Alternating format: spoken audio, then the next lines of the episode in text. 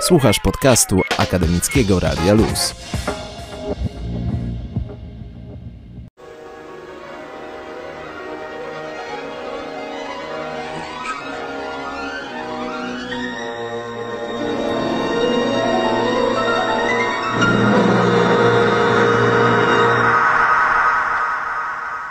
Proszę Państwa, Wysoki Sądzie, oto Józef Poznar, wybitny znachorolog. Cześć.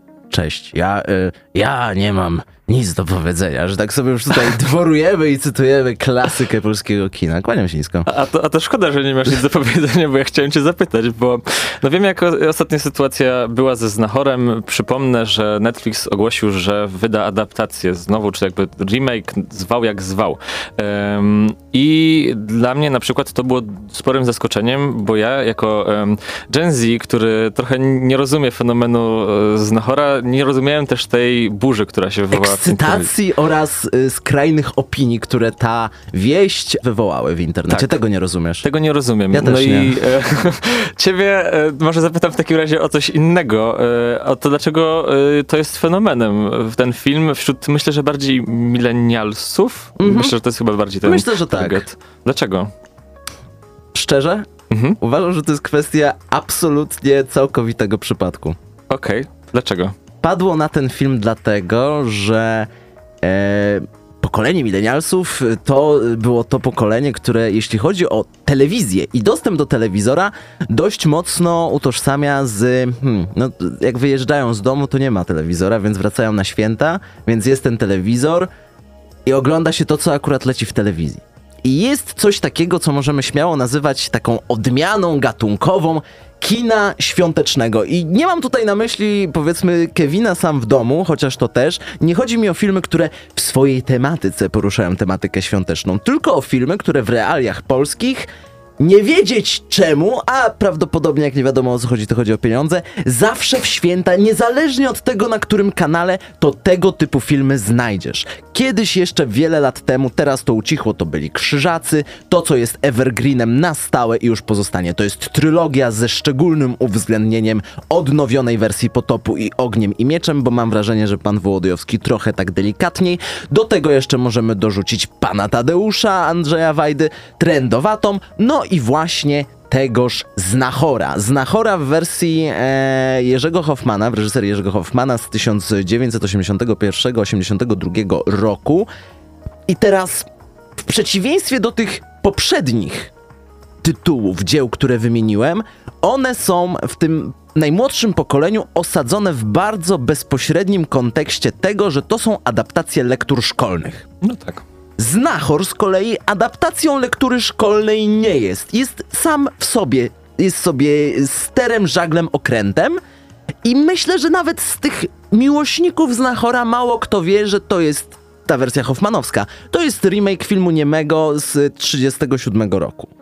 Mhm. Oni kojarzą wyłą- oni, my kojarzymy do, tylko tą wersję Hoffmanową, tą, w której gra Jerzy Bińczycki, Anna Dymna, Tomasz Stockinger i gdzieś ten film się utrwalił. Utrwalił się przede wszystkim dlatego, że w każde święta co najmniej trzy razy gdzieś o dowolnej porze gdzieś ten znachor leci i jest to historia, która nie kojarzy się tak bardzo ze szkołą i jak się to obejrzy wyrywkowo piąty, szósty raz, to się zaczyna doceniać pewne poszczególne aspekty w tym filmie, które no może są już na tym etapie delikatnie kampowe, ale pomimo tego, tego przeskoku czasowego dalej są aktualne. No właśnie chciałem zapytać, dlaczego jakby ta aktualność, y, czy jest jakaś po prostu jaka aktualność w tym, czy to jest tylko i wyłącznie nostalgia, czy za co można doceniać teraz y, Znachora, nawet jeżeli to nie jest wywołane tylko i wyłącznie tym, że wracasz na święta.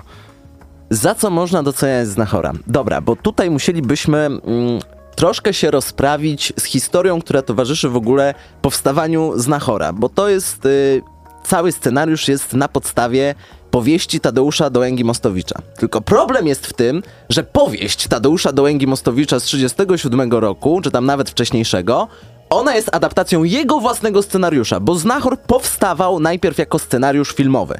Tylko, że w tym dwudziestoleciu międzywojennym mało kto był zainteresowany adaptacją tej historii, no bo no, no, nie czarujmy się, to nie jest jakaś wysokich lotów historia, to nie jest powiedzmy jak Dybuk, który jest monumentalną opowieścią też y, z, z przedwojnia. Nie, nie, to tak średnio to żarło. Więc y, Dołęga Mostowicz, który był trochę rozczarowany tym, że jego tutaj wspaniały scenariusz o pracy u podstaw i, i jakimś takim umiłowaniu wsi nie, nie przyjął się zbyt dobrze w tych u tych decydentów filmowych, przerobił to na powieść.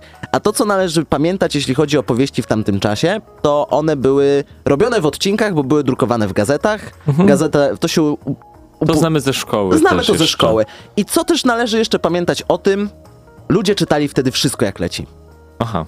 Czyli, mm, ale tak wszystko, wszystko. No, słuchaj, myślisz, że gdyby e, Prusowi nie płacono za akord, to e, w lalce byłyby pamiętniki starego subiekta? To jest najbardziej ewidentne, sztuczne wydłużanie, które w żaden sposób nie jest esencjonalne do reszty opowieści. No i ten Znachor jako powieść się całkiem nieźle przyjął, jako ta powieść odcinkowa. No i wtedy y, polskie Hollywood, czy też może Hollywood, się upomniała, a dobra, panie Dołęga, to robimy ten scenariusz.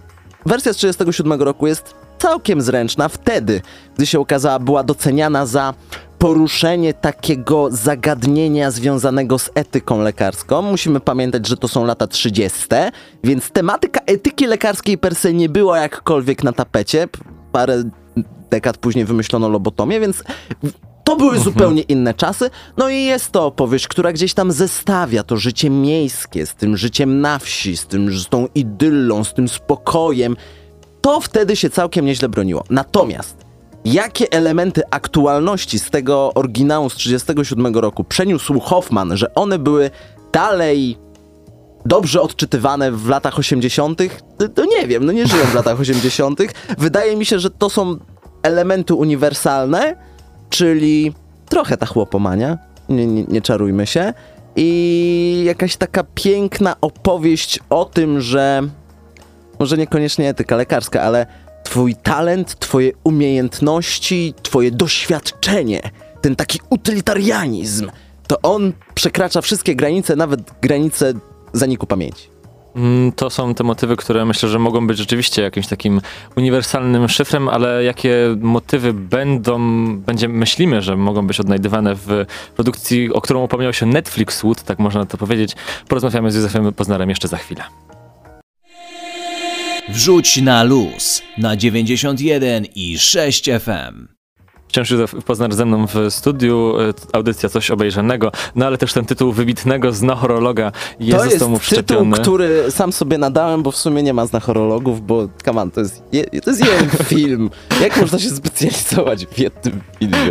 No widzisz, ale tego myślę, że dość dobrze znasz i możesz ocenić teraz mniej więcej, co Netflix myślisz, że planuje wobec tego projektu i jak to może wyjść. Jeżeli mamy tutaj wchodzić w jakieś moje flexowanie się, to mam co najmniej 16 razy pełnych obejrzeń z Nachora z 1981 roku.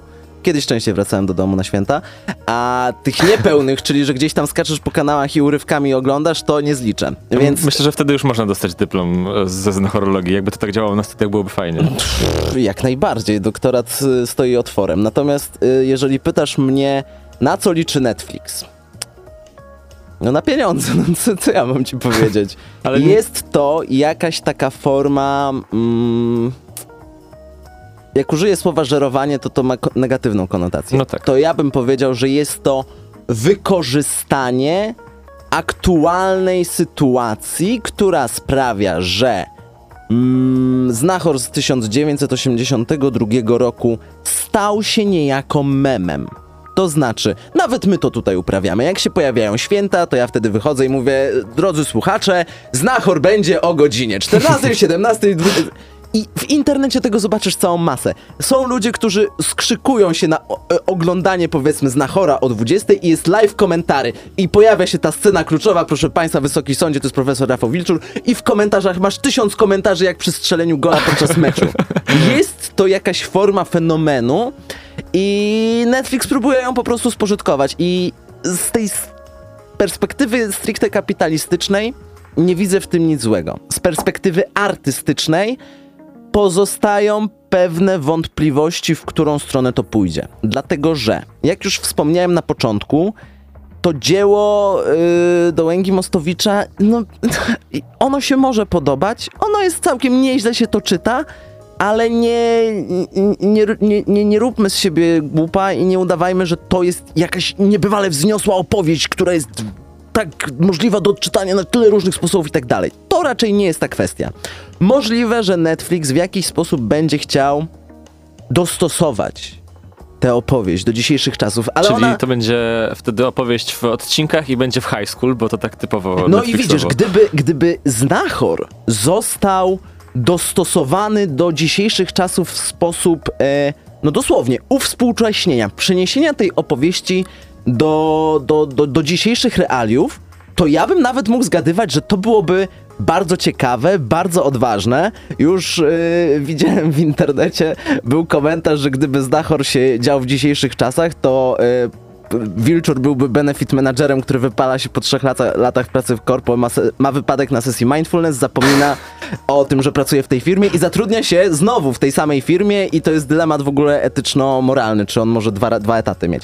Natomiast y, to jest opowieść, to co robi Netflix, znowu to się będzie działo w tych czasach, latach 30. Mhm, więc tutaj nie zmieniamy realiów. Więc trochę nie wiem, czym to będzie się różniło. No będzie się różniło na pewno obsadą. Nie ujmując, Leszkowi Lichocie, który wcieli się w rolę profesora e, Wilczura, którego myślę wielu ludzi kojarzy, nie wiem, z, z Watachy. Czy on ma taką posturę i taką charyzmę, jaką miał Jerzy Bińczycki? Nie wiem. Nie skreślałbym go na starcie. Reszta obsady, mm, no to, to jest w ogóle. O, pytałeś mnie o siłę. Siłę y, filmu Hoffmana. Jedną z sił, to co zrobił Jerzy Hoffman, to on wyciągnął świetny melodramatyzm tej opowieści, bo to jest taka opowieść melodramatyczna, taka trochę czujemy nawet jak na wiesz, przeminęło z początku. wiatrem, nie? I on był w stanie ten, ten, ten klimat tych lat 30. przenieść do lat 80. dzięki temu, że miał rewelacyjną obsadę aktorską, nawet w rolach trzecioplanowych i ci aktorzy są po prostu świetni.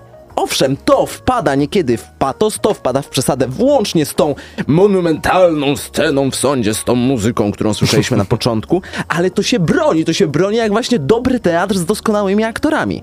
Czy to się ten sukces tutaj powtórzy? Nie wiem. No za reżyserię e, w tym filmie odpowiada Michał Gazda i to jest jego debiut pełnometrażowy, reżyserski, bo on się wcześniej zajmował, no właśnie, serialami takimi jak Watacha Odwróceni i czytając gdzieś tam komentarze właśnie obsady, co oni chcą osiągnąć, no to y, Michał Gazda y, powiedział Filmwebowi, że no jest to y, legenda polskiej popkultury i my mamy okazję zmierzyć się z tą legendą i, i, i, i to jest przywilej, ale też strach, no bo i gramy tutaj z narodowym wzorcem melodramatu. No Ważne dobra, słowa. Wa- duże słowa, może nawet mające pokrycie w rzeczywistości, no ale no nie chcę mówić kto pytał, ale co wy chcecie z tym zrobić, nie? Po prostu nie widzę, w którą stronę to może zmierzać, ale widzę jeden pozytyw. Okej. Pozytyw jest taki, że to, czego nie zrobił Hoffman, a można jeszcze zrobić, to Znachor, właśnie jako to Znachor z lat 30., miał jeszcze dwie kontynuacje. O jest nie. jeszcze Profesor Wilczur oraz tutaj mały spoiler, dla co po niektórych, trzecia część tej trylogii to jest Testament Profesora Wilczura. Więc jeżeli ta opowieść e, nowa, Netflixowa, Znachorowa zażre, no to widzę jak najbardziej, że jest tutaj potencjał, żeby jeszcze z tego wydoić ile się da.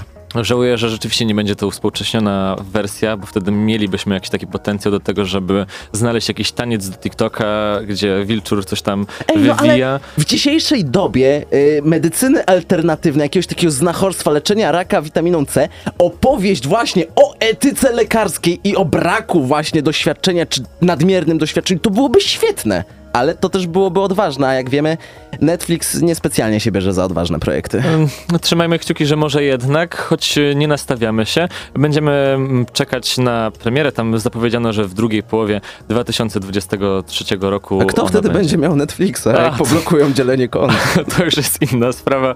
E, Dzięki wielkie za rozmowę. Był ze mną Józef Poznar. Coś obejrzanego. Dzięki wielkie.